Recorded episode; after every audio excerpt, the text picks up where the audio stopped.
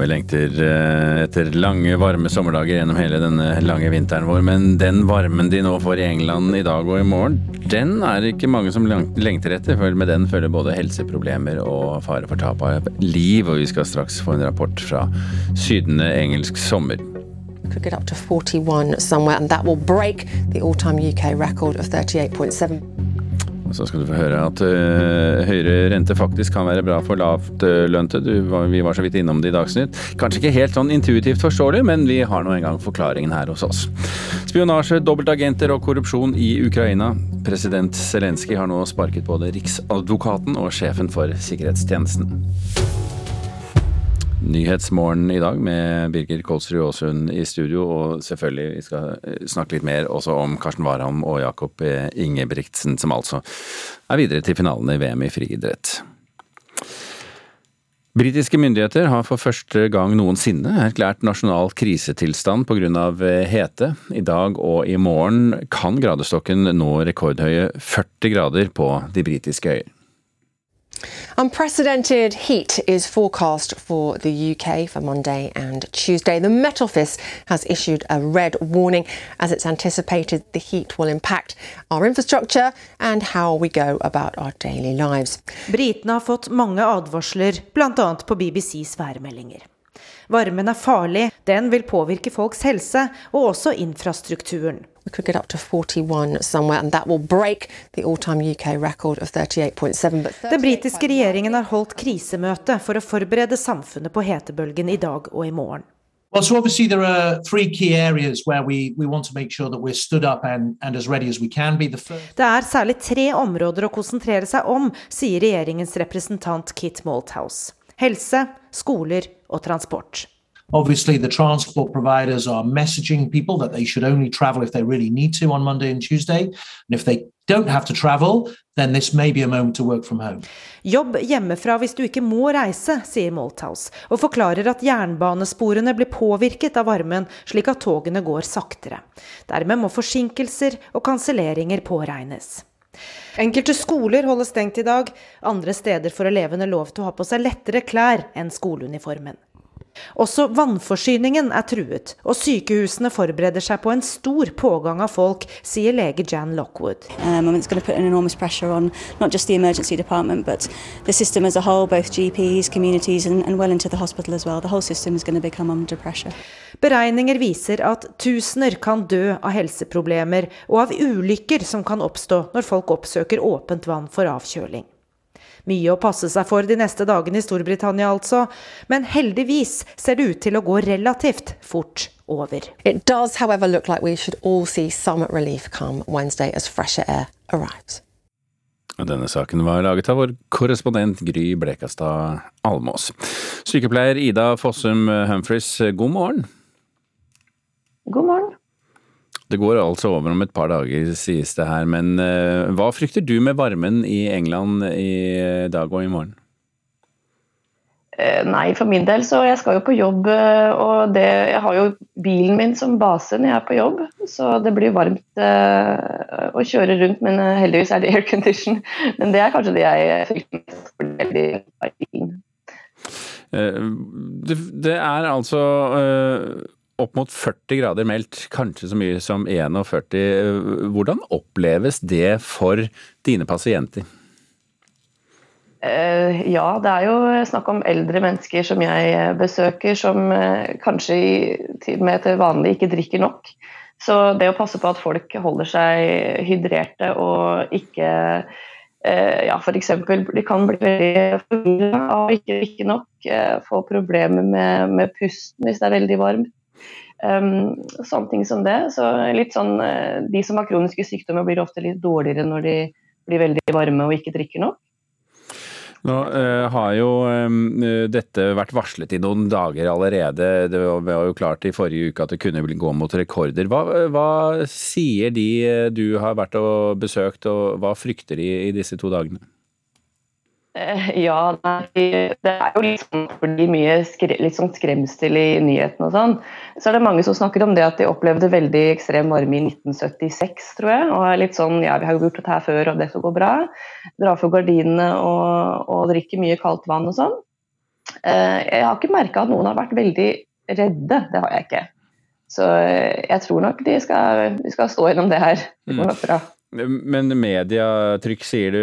Dette er jo også uh, britiske myndigheter som uh, frykter det. Og det, de nevner jo også muligheten for, eller, eller, faren for helseskade og også dødsfall. Er det noe du frykter, eller tror du dette går ganske greit?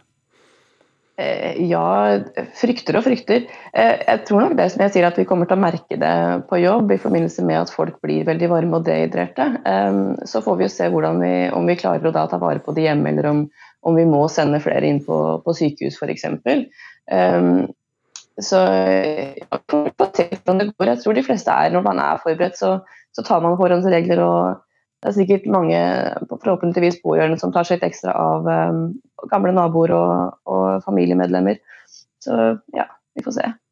Vi får se. Uh, uansett, lykke til. Håper alt går bra både for dine pasienter og briter generelt. Uh, Ida Fossum Humphries, takk for at du var med oss i Nyhetsmorgen. Ja. Takk, takk. Rentehevingene bidrar til å jevne ut sosiale forskjeller her i landet. Det mener samfunnsøkonom i Storebrand Olav Chen. Bare i år så har boligprisene økt med nesten 9% og renten følger på vei oppover. Likevel, Chen tror altså at rentehevingen på sikt kan bidra til å jevne ut økonomiske forskjeller. Hvis økte renter bidrar til å dempe boligprisene, så vil det gjøre at ulikhetene blir mindre. Å komme seg inn på boligmarkedet er en av de største kjøpene man gjør, og inngangsbilletten har blitt dyr. En av de som har planer om å kjøpe sin egen bolig snart, er Erik Lindgren. Vi tenker å kjøpe oss her i Oslo. løpet av et par år. Ja, Er du, er du bekymra for uh, hvordan boligprisen ser ut? Litt, lite grann. Det er jo blitt veldig høyt. Norges Bank har varsla flere hevinger av styringsrenta, som får boligdrømmen til å virke enda dyrere. Men Olav Kjenn mener likevel at høyere renter vil være bra for de som er ute etter bolig. Fordi Hvis økte renter demper boligpriser, som jeg tror det gjør, så vil flere har mulighet til å kjøpe seg større og bedre bolig. Sjeføkonom i LO, Roger Bjørnstad, mener ikke styringsrenta er redningen i boligmarkedet.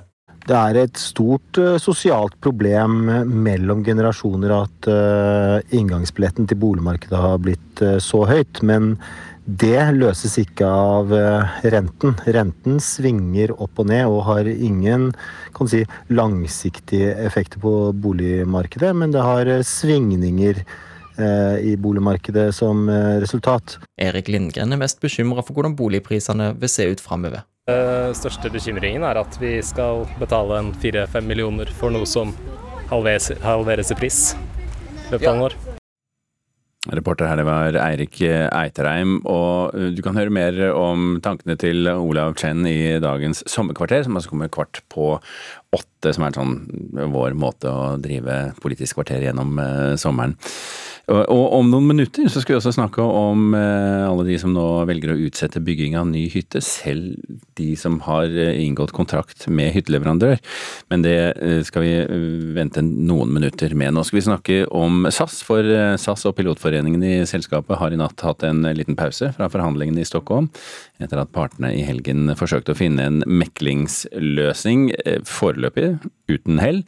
Men det betyr at det eh, fortsatt er streik blant pilotene i SAS, og at mange fly står på bakken. Reporter eh, Johan B. Er siste nytt?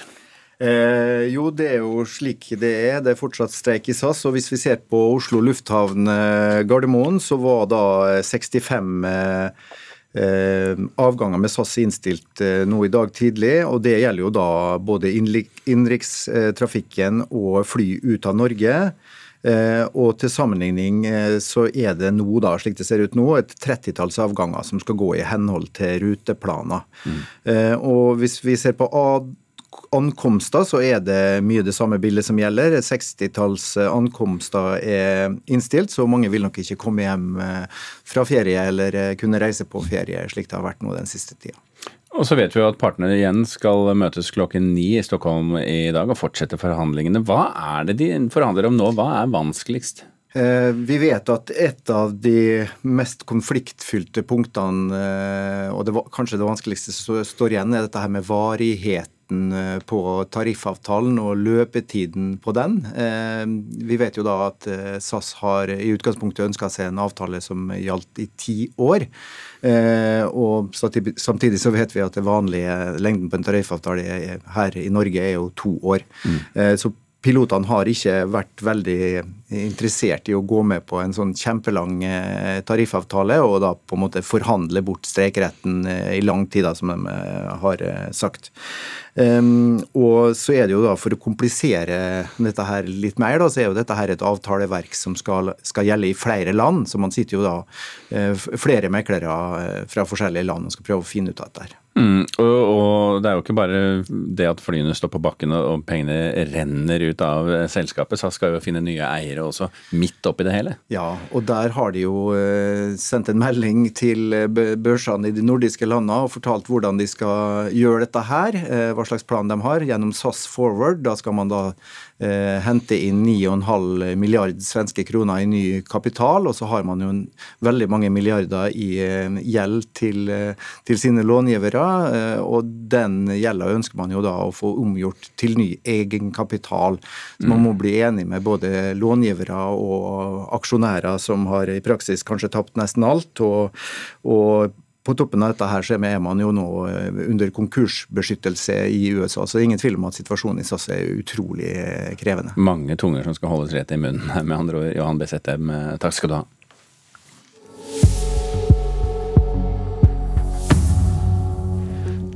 Klokken nærmer seg eh, kvart over eh, sju. Eh, Nyhetsmorgen er programmet du hører på. Har du nettopp kommet til, så skal jeg få lov til å minne deg om toppsakene våre i dag. Britiske myndigheter har for første gang noensinne erklært nasjonal krisetilstand pga.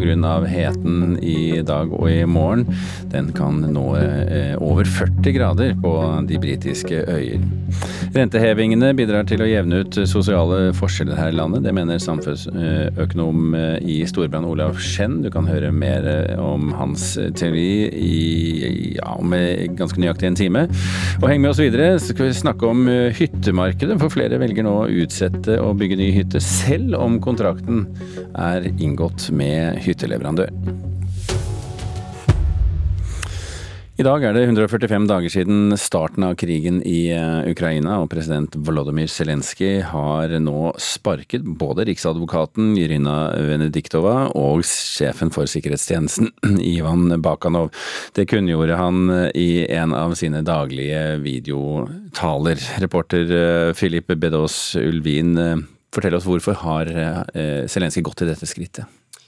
Eh, han har gjort dette fordi det har blitt avdekket eh, hele 651 tilfeller eh, av forræderi i disse organisasjonene. Og i tillegg til det så har 60 embetsfolk blitt identifisert som å ha begynt å jobbe for Russland i de okkuperte områdene. Eh, og Zelenskyj sa i talen sin at dette setter eh, store spørsmålstegn ved eh, lederegenskapene til da Venediktova og Bakanov. og det er viktig å si at det er ikke første gang at det avdekkes et stort nettverk med spioner, fordi det er jo dette det dreier seg om i ukrainske etterretningstjenester og viktige organisasjoner. Ehm, I 2014 så ble det gjort en stor oppvask eh, fordi nettopp det hadde vært eh, mange russiske agenter inni inne de organisasjonene. Og ehm, særlig Bakanov, som er sjef for sikkerhetstjenesten, han ble utnevnt av Zelenskyj. Han er nær barndomsvenn av Zelenskyj. Og um, Zelenskyj gikk jo til valg nettopp for å eh, hamle opp med korrupsjonen i Ukraina. Eh, så da er det, det, kanskje ikke så lett å beholde strukturen eh, i sjefsleddet da? Eh. Hvis du skal gjøre noe med korrupsjonen, mener jeg. Nei, da må man uh, rett og slett vaske opp når det, er, når det kommer frem slike ting. Mm. Så det, det, har nok ikke vært lett, men nå, nå, viser det seg at det var jo kanskje ikke rett mann på rett plass likevel. Men alle disse agentene som har jobbet for Russland, hva kan det ha hatt å si? Nei, det dreier seg jo om informasjon, om eh, at eh, Russland kan vite hva som skjer bak eh, fiendens linjer. Eh, når det kommer til eh, Benedicte, da, som var riksadvokaten, så hadde hun ansvar for å eh, etterforske krigsforbrytelser. Og da er det jo åpenbart en fare for bevisforspillelse, f.eks., med i hennes, i hennes domene. Men når det kommer til eh, Bakanov, som var sjef for sikkerhetstjenesten, og da har ansvaret for å beskytte presidenten og statsapparatet, så er det jo en direkte trussel mot, eh, mot Zelenskyj og eh, hans regjering. Mm, nemlig. Mm. Eh, Filippe Daas Ulvin, følg med oss videre utover dagen. Hvis det skjer mer også fra fronten, så kommer du inn og snakker om det igjen. Mm. Hyttemarkedet nå, det er eh, tilbake på nivå med 2019. Eh, og både salget av brukte hytter og bestillinger av nye hytter har gått kraftig ned i første halvår i år. Renteoppgang, stive materialpriser, det gjør at flere nå utsetter hyttedrømmen selv om de sto helt på terskelen til å kjøpe eller bygge.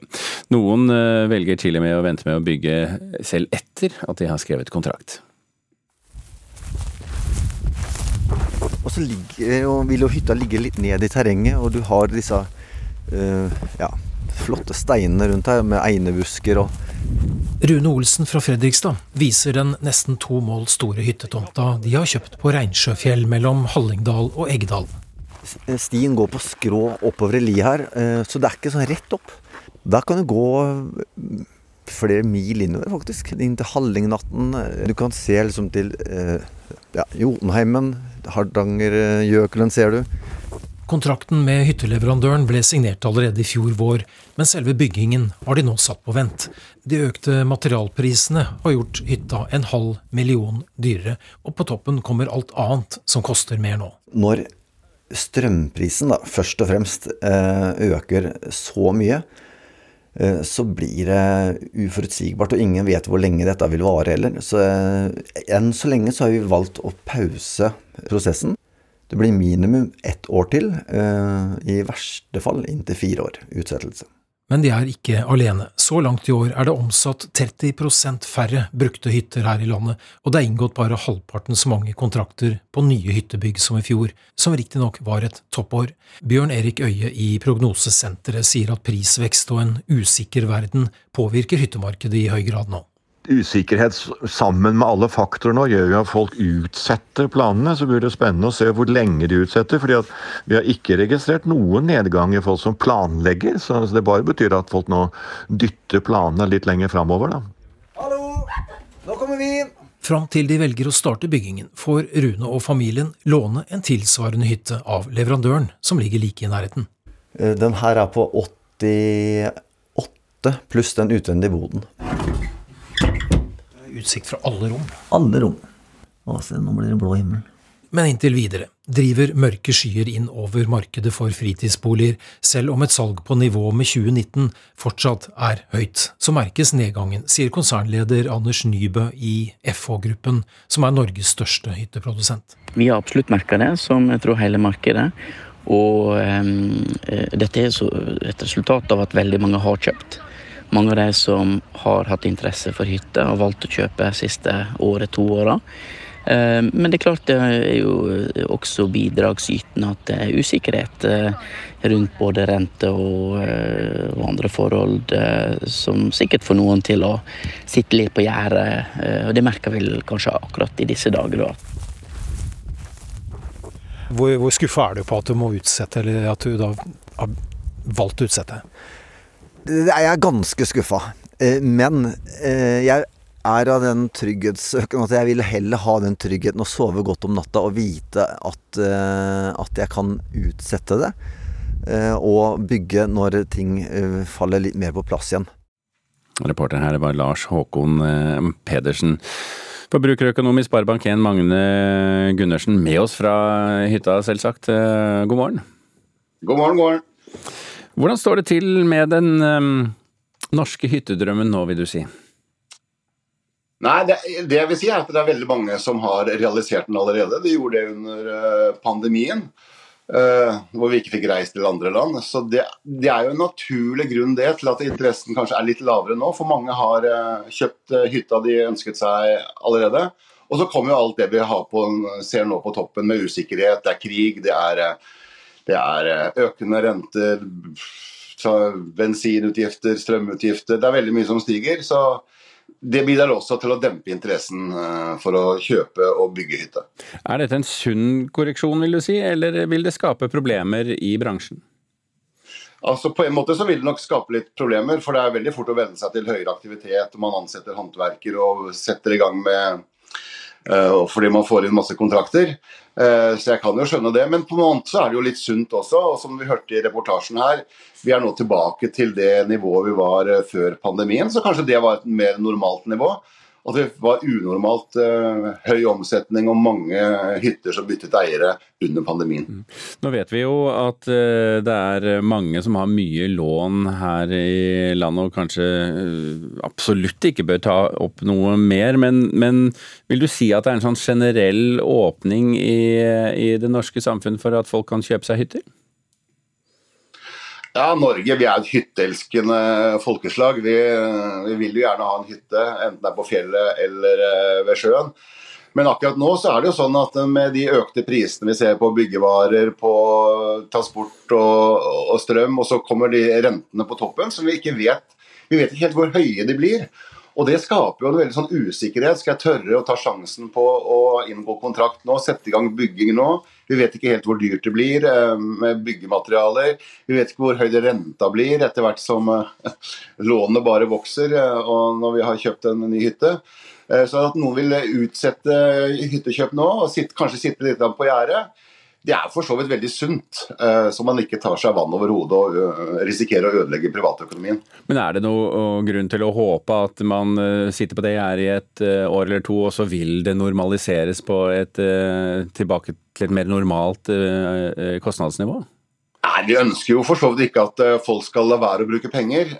Skal vi komme ut av den situasjonen vi er i, så, så må vi jo bruke penger så ikke hytteprodusenter, underleverandører, håndverkere mister jobbene sine underveis.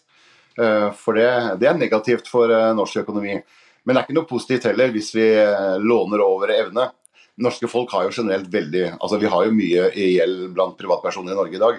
Så vi må balansere dette her, holde aktiviteten oppe, men ikke så folk ødelegger økonomien sin. Og så kan det jo være at vi får se flere sånne delingshytter, at folk går sammen om å kjøpe hytte, faktisk. Ja, vet du hva, det tror jeg egentlig er eh, kanskje muligheten for mange. For prisene har jo, har jo, gått en del opp, og kanskje de faktisk nå vil gå ned. og Det kan være en grunn til å vente, sitte litt på gjerdet.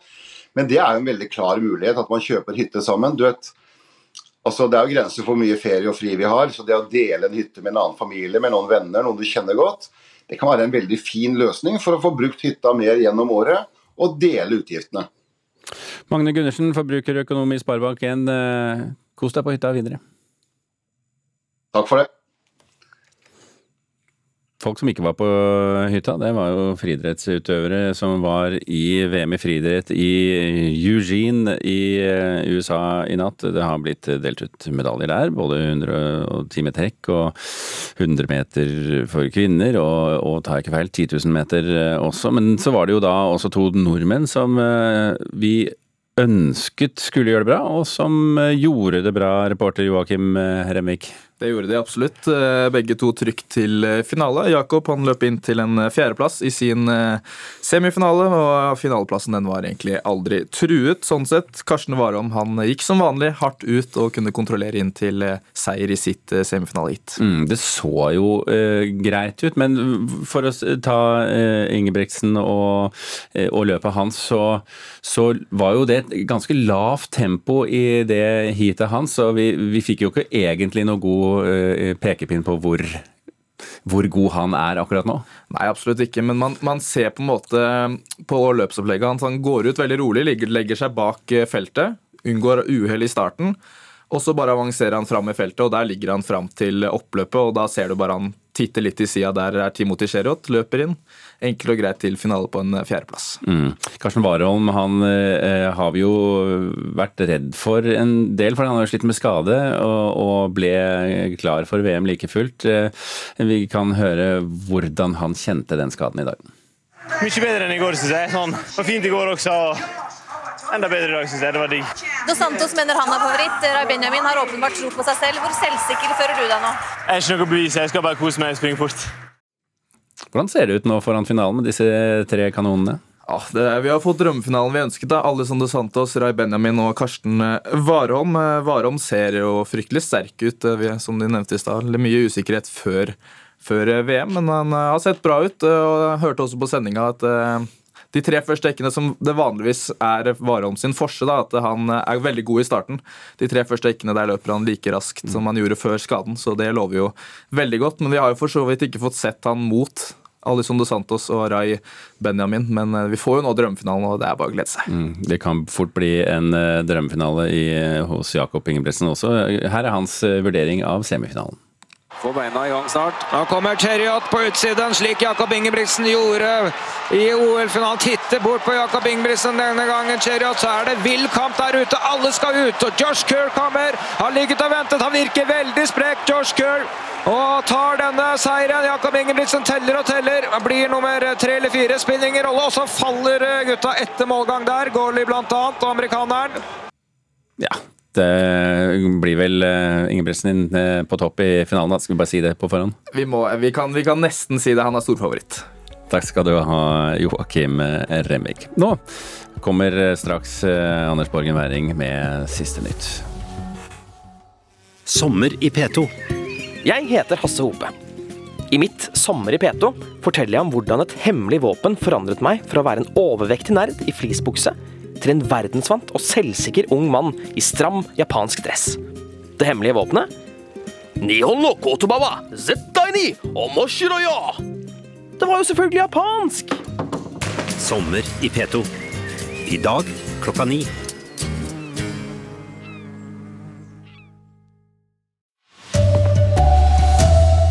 Det er erklært nasjonal krise i Storbritannia. Frykt for at termometeret bikker 40 grader for første gang. Flere utsetter hyttedrømmen pga. renteoppgang og stive materialpriser. Og vis dovett til fjells, oppfordrer Norsk Friluftsliv. Gå et stykke unna stiene. Ta med deg en pose som du putter dopapir i. God morgen, her er NRK Dagsnytt. Klokka er 7.30. Britiske myndigheter har altså for første gang erklært nasjonal krise pga. hete. I dag og i morgen så kan gradestokken nå rekordhøye 40 grader på de britiske øyer. Britene har fått mange advarsler, bl.a. på BBCs værmeldinger. Varmen er farlig, den vil påvirke folks helse, og også infrastrukturen. We could get up to 41 somewhere, and that will break the all-time UK record of 38.7. Den britiske regjeringen har holdt krisemøte for å forberede samfunnet på hetebølgen i dag og i morgen. Enkelte skoler holder stengt i dag, andre steder får elevene lov til å ha på seg lettere klær enn skoleuniformen. Også vannforsyningen er truet, og sykehusene forbereder seg på en stor pågang av folk, sier lege Jan Lockwood. Um, it's going to put an enormous pressure on not just the emergency department, but the system as a whole, both GPs, communities, and, and well into the hospital as well. The whole system is going to become under pressure. Beregninger viser at tusener kan dø av helseproblemer og av ulykker som kan oppstå når folk oppsøker åpent vann for avkjøling. Ja, Det sa vår korrespondent Gry Blekastad Almås. Statsmeteorolog Bente Wahl, hva er forklaringen på de høye temperaturene i Storbritannia? Det er jo det at det har ligget en varmebølge nede i Sør-Europa ganske lenge nå, i flere uker. Spania har hatt over 40 grader i flere uker nå på flere stasjoner, opp mot 45. Og denne varmlufta pushes nå i dag nordover i Frankrike og mot Storbritannia, da de sørlige delene av Storbritannia. Så også vestlige deler, særlig av Frankrike, venter man over 40 grader i dag. Godt og varmt. Så det er det at denne varmlufta nå pushes da nordover en kort periode, i hvert fall. Ja, Kan du si litt mer om hvordan denne hetebølgen beveger seg nå i resten av Europa? Ja, Nå beveger den seg da nordover mot eh, vestlige delen av Frankrike. Hele Frankrike blir varmt, men det er vestlige områdene som er varmest akkurat i dag. Og så nordover til Storbritannia, og da særlig de sørøstlige delene av Storbritannia. Altså London, men også oppover mot Manchester. Men eh, da de østlige delene som får det aller varmest, opp mot 40 grader. Og så skal litt av denne varmlufta også pushes litt nordover til våre områder, så vi kommer nok til å få noen varme dager her også tirsdag og onsdag. Men så kommer det kald luft ned fra mm, nord igjen. Som, så i Storbritannia så blir det kaldere allerede fra torsdag. Og her hos oss også, så allerede fra torsdag så begynner denne varmlufta å gå videre østover i Sverige og videre i, i Øst-Europa. Men hvor varmt kan det komme til å bli her i landet? Her i landet så venter vi nok eh, flere steder som får 30 grader allerede i morgen. Da er det nok sånn litt indre strøk av Aust-Agder, Telemark, Buskerud. Men onsdag så ser det ut som hele Sør-Norge, endelig også Trøndelag kan vi kanskje si, begynner å få temperaturer eh, godt opp på 20-siden. Og det er faktisk mulighet for å nå 30 grader egentlig i nesten alle fylker i Sør-Norge på onsdag. Så onsdag blir den ordentlig varme dagen, og så er det kjøligere allerede fra torsdag. Takk skal du ha, statsmeteorolog Bente Wahl. I formiddag klokka ni så fortsetter meklingen mellom eh, partene i SAS-konflikten. Flygerforeningene og SAS har eh, forhandlet gjennom hele helgen, men har altså foreløpig ikke klart å bli enige. Det er nå to uker siden 900 flygere i SAS gikk ut i streik. Siden 4.7 så har godt over 2000 SAS-flygninger blitt innstilt pga. streiken. Hyttemarkedet skal det handle om nå. Det er tilbake på nivå med 2019, og både salget av brukte hytter og bestillinger av nye hytter gikk kraftig ned første halvår i år. Renteoppgang og stive materialpriser gjør at flere må nå utsette hyttedrømmen. Blant dem en familie fra Fredrikstad. Og så ligger, vil jo hytta ligge litt ned i terrenget, og du har disse uh, ja, flotte steinene rundt her med einebusker og Rune Olsen fra Fredrikstad viser den nesten to mål store hyttetomta de har kjøpt på Reinsjøfjell mellom Hallingdal og Eggdal. Stien går på skrå oppover i li her, eh, så det er ikke sånn rett opp. Kontrakten med hytteleverandøren ble signert allerede i fjor vår, men selve byggingen har de nå satt på vent. De økte materialprisene har gjort hytta en halv million dyrere, og på toppen kommer alt annet som koster mer nå. Når strømprisen da, først og fremst eh, øker så mye, eh, så blir det uforutsigbart, og ingen vet hvor lenge dette vil vare heller. Så eh, enn så lenge så har vi valgt å pause prosessen. Det blir minimum ett år til, i verste fall inntil fire år utsettelse. Men de er ikke alene. Så langt i år er det omsatt 30% færre brukte hytter her i landet, og det er inngått bare halvparten så mange kontrakter på nye hyttebygg som i fjor, som riktignok var et toppår. Bjørn Erik Øie i Prognosesenteret sier at prisvekst og en usikker verden påvirker hyttemarkedet i høy grad nå usikkerhet sammen med alle faktorene gjør jo at folk utsetter planene. Så blir det spennende å se hvor lenge de utsetter. fordi vi har ikke registrert noen nedgang i folk som planlegger. Så det bare betyr at folk nå dytter planene litt lenger framover, da. Reporter her, det var eh, Lars Håkon Pedersen. Renteøkningene som eh, pågår kan være bra for eh, lavtlønte, det mener samfunnsøkonom eh, i Storebrand Olav Chen. Bare i år så har boligprisene økt med nesten 9% og renta er på vei oppover. Likevel så tror Chen at rentehevingene på sikt kan bidra til å jevne ut økonomiske forskjeller. Hvis økte renter bidrar til å dempe boligprisene, så vil det gjøre at ulikhetene blir mindre å komme seg inn på boligmarkedet er en av de største kjøpene man gjør, og inngangsbilletten har blitt dyr. En av de som har planer om å kjøpe sin egen bolig snart, er Erik Lindgren. Vi tenker å kjøpe oss her i Oslo. løpet av et par år. Ja, Er du, er du bekymra for uh, hvordan boligprisen ser ut? Litt, lite grann. Det er jo blitt veldig høyt. Norges Bank har varsla flere hevinger av styringsrenta, som får boligdrømmen til å virke enda dyrere. Men Olav Kjenn mener likevel at høyere renter vil være bra for de som er ute etter bolig.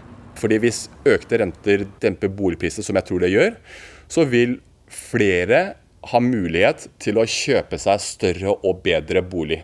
Sjeføkonom i LO, Roger Bjørnstad, mener ikke styringsrenta er redningen i boligmarkedet. Det er et stort uh, sosialt problem mellom generasjoner at uh, inngangsbilletten til boligmarkedet har blitt uh, så høyt. Men det løses ikke av renten. Renten svinger opp og ned og har ingen kan si, langsiktige effekter på boligmarkedet, men det har svingninger i boligmarkedet som resultat. Erik Lindgren er mest bekymra for hvordan boligprisene vil se ut framover. Den største bekymringen er at vi skal betale en fire-fem millioner for noe som halveres, halveres i pris Ja. løpet av en år. Reporter her, det var eh, Eirik Eitreim, og du kan eh, høre mer fra Olav Chen i dagens eh, sommerkvarter på mm, P2 NRK1 klokka kvart på åtte. Sport nå, for både Karsten Warholm og Jakob Ingebrigtsen er klare for VM-finale. Warholm vant sin semifinale på 400 meter hekk. Mye bedre enn i går, syns jeg. Sånn. Det var fint i går også. Enda bedre i dag, syns jeg. Det var digg. Dos Santos mener han er favoritt. Rai Benjamin har åpenbart tro på seg selv. Hvor selvsikker føler du deg nå? Jeg har ikke noe å bevise. Jeg skal bare kose meg og springe fort. Sa Karsten Warholm til reporter Hanne Skjellum.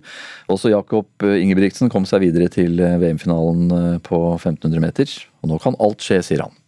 Det er vanskelig å si. Altså det, man kan godt se på det som har skjedd tidligere i sesongen, men samtidig så eh, er jo finalen løp nummer tre.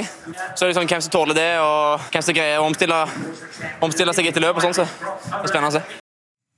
Ja, 1500 meter-finalen med Jakob Ingebrigtsen løpes natt til onsdag klokka 4.30. Finalen på 400 meter hekk eh, løpes eh, litt senere, 10 på 5, altså 4.50. Og Begge finalene kan du følge direkte på NRK1 eller NRK Sport førstkommende onsdag, altså. Fjellferie er eh, populært, men mange folk eh, samlet på samme plassen kan føre til utfordringer. og Nå ber Norsk Friluftsliv folk om å vise dovett. Det er viktig både for naturen i seg sjøl og for at andre skal ha det like hyggelig som meg når vi er på tur. Unni Råum er på venninnetur til Molladalen på Sunnmøre. En svært populær dal der folk liker å telte, klatre og gå på topper. Men der det er mye folk, blir det også etter hvert mange toalettbesøk i naturen. Bente Lier i organisasjonen Norsk Friluftsliv er klar på hva folk må gjøre om de skal på do i naturen. Gå et stykke unna stiene. Ta med deg en pose som du putter dopapir i, for det tar lang tid at det bryter ned. Og også holde seg unna bekker og vann, for det, det, kan jo også medføre forurensning hvis man er i nærheten av det. Og hvis det er myk jord, så ta med en spade og grav det ned.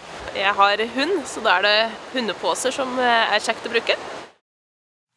Reporter her, det var eh, Olaug eh, Bjørneseth. Elise Heisel Asbjørnsen har ansvaret for eh, NRK Dagsnytt i dag. Jeg heter Anders Borgen Werring.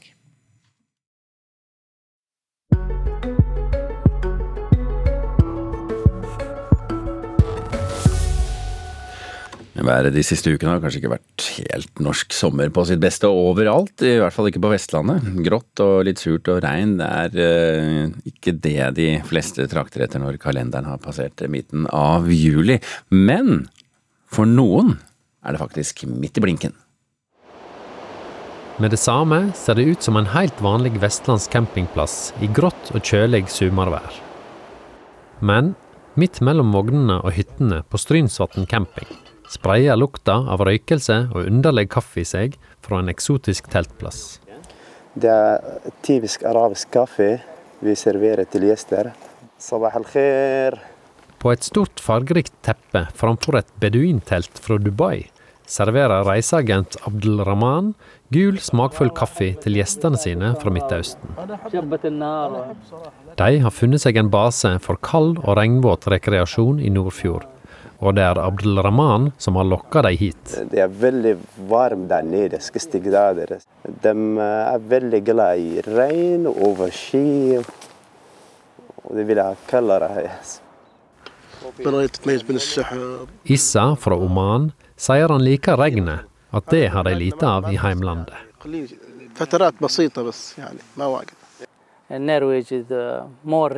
Abdul Karim fra Saudi-Arabia sier han liker Norge fordi det regner mer. Abdel Rahman har klart å lage Norge til et svært populært reisemål for folk i arabiske land. Naturopplevelser og friskt norsk vær, kombinert med litt arabisk kultur, har blitt en enorm suksess, der enkelte videoer på sosiale medier har nær ti millioner visninger. Med målretta markedsføring treffer han godt i land som til sammen har over 100 millioner innbyggere. Norge det er ny eh, land for dem. Etter vi begynte å jobbe med markedsføring og vise folk landet, så de valgte å reise til Norge. Og styreren på campingplassen, Jon Roger Mæland, tykker det er bare kjekt med nye eksotiske gjester. Det er noe, et eksotisk innslag på en eh, campingplass. F.eks. så blir jeg veldig skuffa hvis at det er mye sol. For Det er ikke det de er blitt lova når de har sett på eh, markedsføringa til Abdal Rahman. Det er overskya og regn og eh, litt kjølig. og Sånn sett så er nå dagen i dag en helt perfekt dag for dem. Nå er det 13 varmegrader og overskya og lett duskregn innimellom. Mohammed fra Qatar liker regnet og det fine været, og sier han tykker Norge er det beste landet i Europa.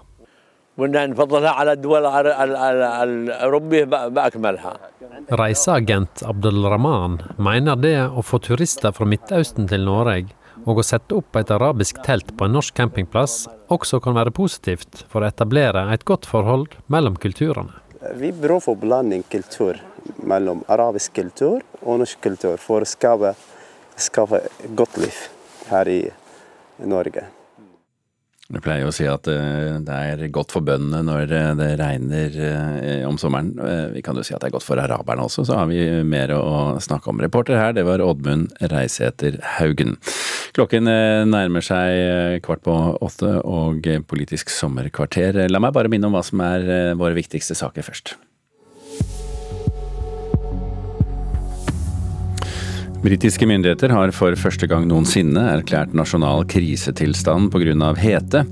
I dag og i morgen kan gradestokken nå rekordhøye 40 grader på de britiske øyer. Varmt i Storbritannia, men det kjøligere på det norske hyttemarkedet. For flere velger nå å utsette bygging av ny hytte, selv om kontrakten er signert med hytteleverandør, til og med. Og president Volodymyr Zelenskyj har nå sparket både riksadvokaten Irina Venediktova og sjefen for sikkerhetstjenesten Ivan Bakanov. Det kunngjorde han i en av sine daglige videotaler, og det handler selvfølgelig om spionasje og korrupsjon og den slags.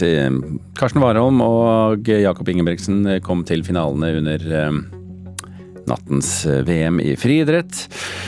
Og nå, Politisk kvarter, dvs. Si det har jo tatt sommerferie. Vi har Sommerkvarteret isteden, der du får møte kjente og ukjente stemmer som på en eller annen måte står midt i de store endringene i det som skjer i Norge i dag. Og i dag har Silje Rognsvåg snakket med Olav Chen.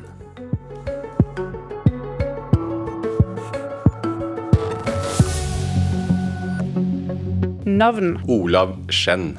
Alder. 44. Stilling? Jeg er samfunnsøkonom, men jeg er leder for allokering og globale renter i Storebrand Asset Management.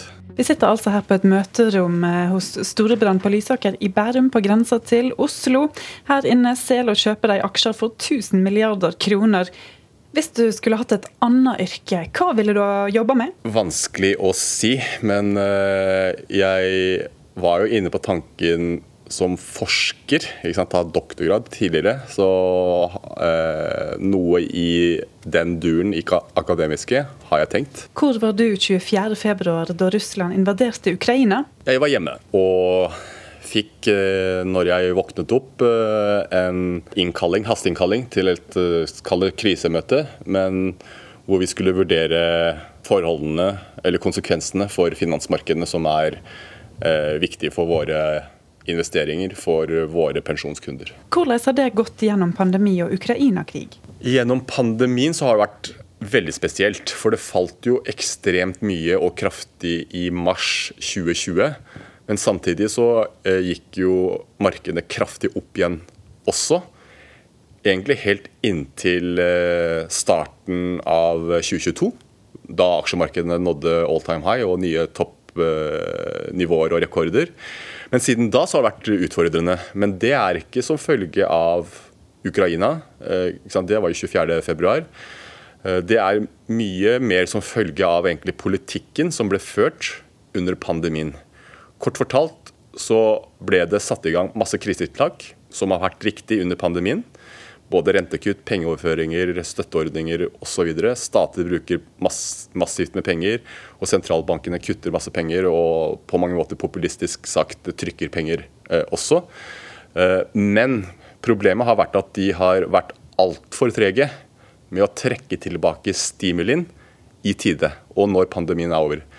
Et godt eksempel på det er jo renten. Renten er fortsatt lavere i dag enn det det var før pandemien. Samtidig er arbeidsledigheten nå kommet eh, på et nivå som er lavere. Den økte jo kraftig under pandemien, men lavere enn det var før pandemien, som også var en form for høykonjunktur.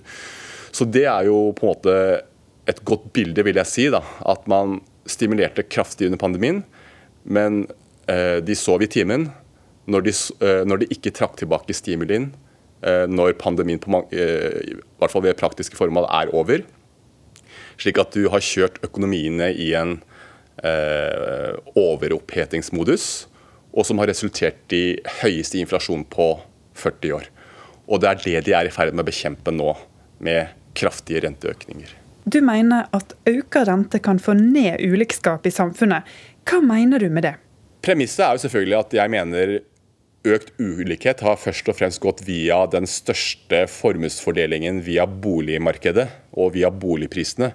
Så hvis økte renter bidrar til å dempe boligprisene, så vil det gjøre at ulikhetene blir mindre der. Fordi hvis økte renter demper boligprisene, som jeg tror det gjør, så vil flere ha mulighet til å kjøpe seg større og bedre bolig. Og bolig er kanskje den største investeringen eller konsumet man har uh, utover, og viktigste, utover mat og energi.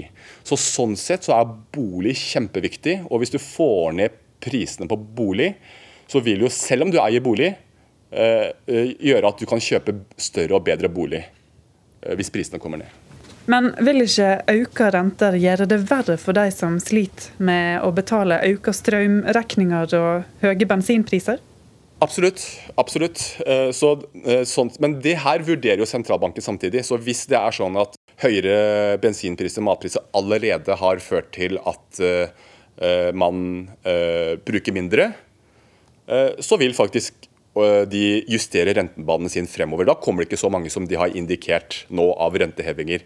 Men problemet er, eller utfordringen er hvis du bare ser ut av vinduet i dag, eh, i, juli, med festivalsommer og ferie og sånne ting. Det er selvfølgelig mange eksempler på at eh, eh, folk sliter allerede. Men i sum så er det fortsatt ikke blitt en krise i norsk økonomi. Det jeg tror at Arbeidsledigheten kommer til å fortsette å falle. Servicesektoren blomstrer jo. Det er mangel på arbeidskraft i restaurantbransjen. Restauranter har stengt to dager i uka istedenfor én dag i uka, for de har ikke kapasitet til å fylle opp servitører eller kokker. Eh, det er kaos på flyplasser fordi alle skal ut og reise. Hvis det virkelig er krise, da, hvorfor er det så mange som skal ut og reise? Går går på restaurant, restauranter, så er det fullt nesten overalt festivaler. Det er festivaler hver eneste dag eh, gjennom sommeren eh, som er utsolgte. Ikke sant? Eh, man må tenke sammenhengen der. Hvis man ser at eh, kontoen din skrumper, da må du faktisk kutte ned den ene festivalen, det ene restaurantbesøket, den ene ferien eh, og eh, osv. Fordi det blir tøffere tider fremover. Og det er det som er litt vanskelig nå, eller eh, tøft, er at det vi ser nå, er noe man ikke har sett på 40 år. I 40 år har ting blitt bedre og bedre hele veien.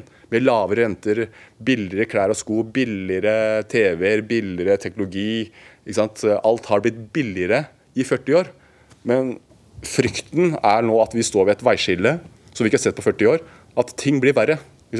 Ting blir dyrere samtidig som renten stiger. Og du må faktisk heve renten for at inflasjonen ikke skal stige enda mer. Det er det som er poenget. Fordi Hvis du ikke hever renten, så hadde inflasjonen kanskje vært enda høyere, og vil bli enda høyere. Men du vil da ta vekk litt kjøpekraft. Men poenget er at vi er nær kapasitetstaket. Eh, det er ikke noe mer å gå på egentlig for å få tak i arbeidende hender. Og sånn sett så eh, må faktisk både myndighetene, sentralbankene, Strø litt mer sand i maskineriet. Det er det de faktisk ønsker. Få ned tempoet i økonomien. Hva må politikerne gjøre nå, mener du? Politikerne må ha is i magen, men de må samtidig erkjenne at økonomien hadde nådd taket, og tilpasse politikken sin deretter for å ikke fyre opp økonomien og inflasjonen ytterligere. Fordi inflasjonen er i bunn og grunn negativt for alle eh, husholdninger, bedrifter, alle. Fordi det er ingen som liker høyere priser på varer, tjenester og inkludert bolig, vil jeg påstå. Mange er jo sure på eh, finansminister Vedum for ikke å ha gjort noe med bensin- og drivstoffavgiftene. Burde han gjøre noe med det? Jeg skal ikke uttale meg politisk, men jeg skjønner helt klart uh, hvorfor. Og det er jo fordi hvis uh, man fjerner naturlige markedsmekanismer, så vil jo det egentlig gjøre at du subsidierer mer og det vil gi mer kjøpekraft. Så på mange måter så er jo det med høyere bensinpriser en naturlig markedsmekanisme ikke sant? Eh, eh, som har gjort og dratt inn kjøpekraften naturlig. Eh, men man kan ikke basere et samfunn på subsidier. Men samtidig, når det er sagt, så skjønner jeg helt poenget med det også. Fordi Norge, AS Norge og Finansdepartementet drar inn rekordmye penger med den andre hånden Eh, eh, med høye oljepriser og gasspriser. Så det skjønner jeg har jeg fullstendig forståelse for. Men problemet er at hvis de gir subsidier på alt, så fører det til et subsidiesamfunn. Og det fører til eh, at kjøpekraften bevares i en tid hvor man faktisk ønsker at kjøpekraften skal bli lavere, fordi vi har en overopphetet økonomi med høy inflasjon. Én ting er jo den økonomiske situasjonen, men det er òg en geopolitisk situasjon med mer spenning mellom USA og Kina om t.d. Taiwan. Hva er du mest bekymra for?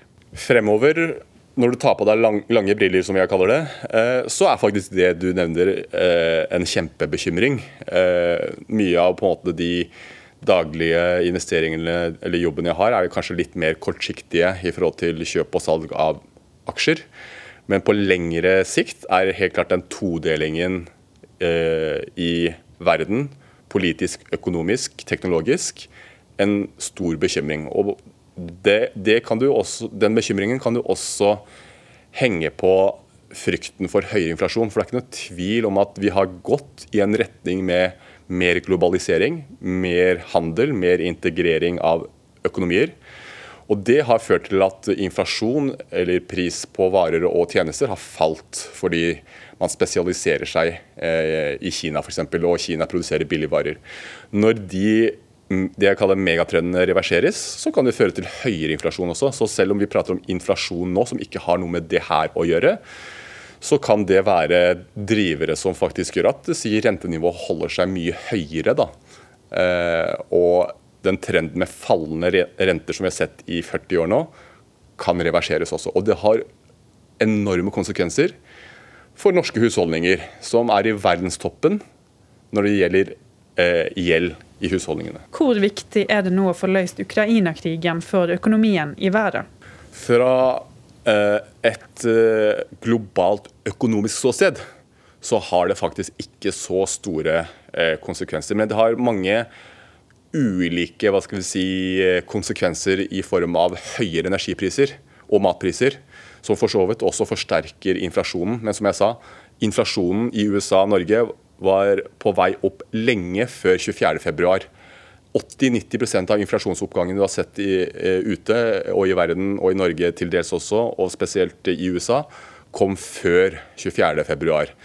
Selv om mange, mange, liker å skylde på Ukraina er, og, og krigen der, så er ikke det tilfellet. Så fra et globalt ståsted så har det ikke så mye konsekvenser. For Norge så har det vært bra i form av mye høyere olje- og gasspriser. Eh, faktisk. Inntektene til staten eh, Norge. Men de som ikke har vært selvforsynte på eh, energi, da, eh, Europa, hvis du ser ned i Europa, eh, eh, så har jo det ført til mye dårligere kjøpekraft. Fordi energiprisene og matprisene har steget. Men i sum så har det ikke hatt så stor betydning, eh, vil jeg påstå. Samfunnsøkonom Olav Chen er aktiv på Twitter, der han i fjor var tidlig ute med å føresige at inflasjonen ville vare lenge. Nå har òg sentralbanken i USA innsett dette, og stadig flere begynner å snakke om resesjon, altså økonomisk tilbakegang. Kjenn er generelt opptatt av at offentlig pengebruk må ned, og at oljepengene må spares. Videre mener han at regjeringa nå må utnytte den sjelden lave arbeidsløysa til å få flere uføre ut i jobb. Norge er jo ikke bare verdensrekordhaver i uh, uh, høy gjeld, men man er verdensrekordhaver når det gjelder uføregraden. Hvor mange som er uh, uføre. Hvorfor er det flere som er uføre i Norge kontra svenskene eller danskene eller amerikanerne eller uh, europeerne? Vi er jo sunnere, vil jeg faktisk påstå, men allikevel er det flere som er i utenforskap og uføre. Så håpet må i hvert fall være at eh, når arbeidsmarkedet er såpass bra nå, så må vi også klare å løfte flere i arbeid. Fordi arbeidskraft er den viktigste ressursen man har i samfunnet. Og sånn sett er det et, må jeg si, bør være et, en høy prioritet uh, for regjeringen å benytte den sjansen her og løfte flest mulig eh, fra si uføre til eh, å jobbe igjen. For, fordi man skriker etter arbeidskraft i mange sektorer nå. Hvordan kan de gjøre det? Nei, Det må jo være ordninger som eh, gjør det her eh, enklere. Men ikke minst, jeg er veldig glad i insentiver. da. Det må lønne seg også for folk eh, til å komme i jobb. Det må ikke være sånn at hvis Gradvis.